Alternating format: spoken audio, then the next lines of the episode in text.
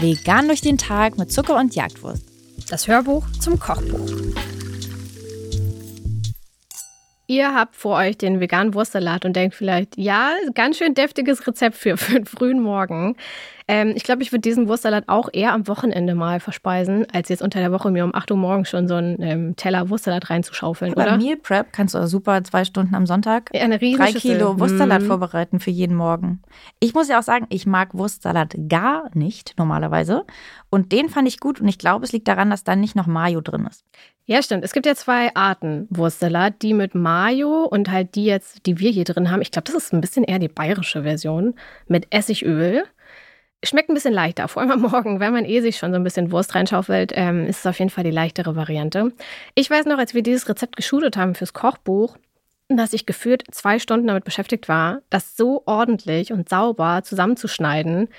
Das war wirklich auf jeden Fall ein Krampf. Ich dachte, ich bin in zehn Minuten damit durch und habe, glaube ich, zwei Stunden lang alles so exakt in kleine, schöne ähm, Bahnen geschnitten. Ähm, naja, aber eigentlich ist es ein schnelles Rezept. Eigentlich seid ihr damit in 15 Minuten durch. Ähm, habt eine Riesenschüssel, alle lieben es, ist eine tolle Beilage und ihr habt auch ein bisschen Gemüse drin. Also es ist ein deftiges Frühstück und man hat nicht so ein schlechtes Gewissen, dass man sich hier gerade ähm, eine ganz schön deftige Mahlzeit reinhaut, oder? Das stimmt. Ich bin aber auch immer, also findest du es auch nicht super absurd, dass das die Dekadenz hat, sich Salat zu nennen? ja. auch Eiersalat. Also das ist so, es ist an sich wahrscheinlich auch der deutscheste Salat, den ich mir vorstellen kann, aber dass man unbedingt jetzt noch Wurst klein schneidet ja. und zweifelsfall Mayo noch ranballert und das mitbringt und sagt, ich bringe Salat. Also denkst du, wenn jemand sagt, ich bringe Salat mit? Und dann bringst du ein Kilo Wurstsalat mit? Denkst du, da, da haben die Leute mit gerechnet? Das ist ein cooler Move. Ja, ich finde es auch interessant, weil eigentlich mag ich Mayo im Salaten voll gern, aber ich finde es bei Wurstsalat schwierig, wobei ich aber jetzt denke, wie, wenn ich den jetzt zum Frühstück esse, mache ich den jetzt auf Brot wahrscheinlich? Ja. Dann mache ich aber trotzdem was drunter, oder?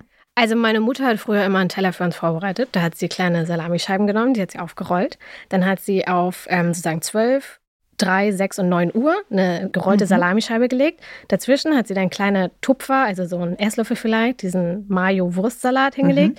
Und in der Mitte waren, glaube ich, noch so Gürkchen aufgeschnitten. Also es war wie ein kleines Kunstwerk angeordnet. Deswegen ist Wurstsalat für mich überhaupt nicht was, was so ähm, schäbig ist, sondern was, was eigentlich schön drapiert auf so einem Teller ganz hübsch aussehen kann. Und das könnt ihr mit dem Wurstsalat natürlich genauso machen und euch einfach einen richtig schönen Teller überlegen. Einen schönen Wurstteller, einen vegan natürlich. Ich wollte gerade dann sagen, also auch falls ihr selbst nicht vegan seid, ähm, wenn Isa es geschafft hat, von diesem Frühstück vegan zu werden, wo Salami-Wurstscheiben die Uhrzeit anzeigen, dann ähm, könnt ihr das auch schaffen. Wir glauben an euch, aber vielleicht hilft euch der vegane Wurstsalat dabei. Richtig. Und damit entlassen wir euch mit dieser großen Schüssel Wurstsalat. Viel Spaß, zelebriert ihn und genießt eure Riesenschüssel ähm, Wurstsalat und denkt an uns.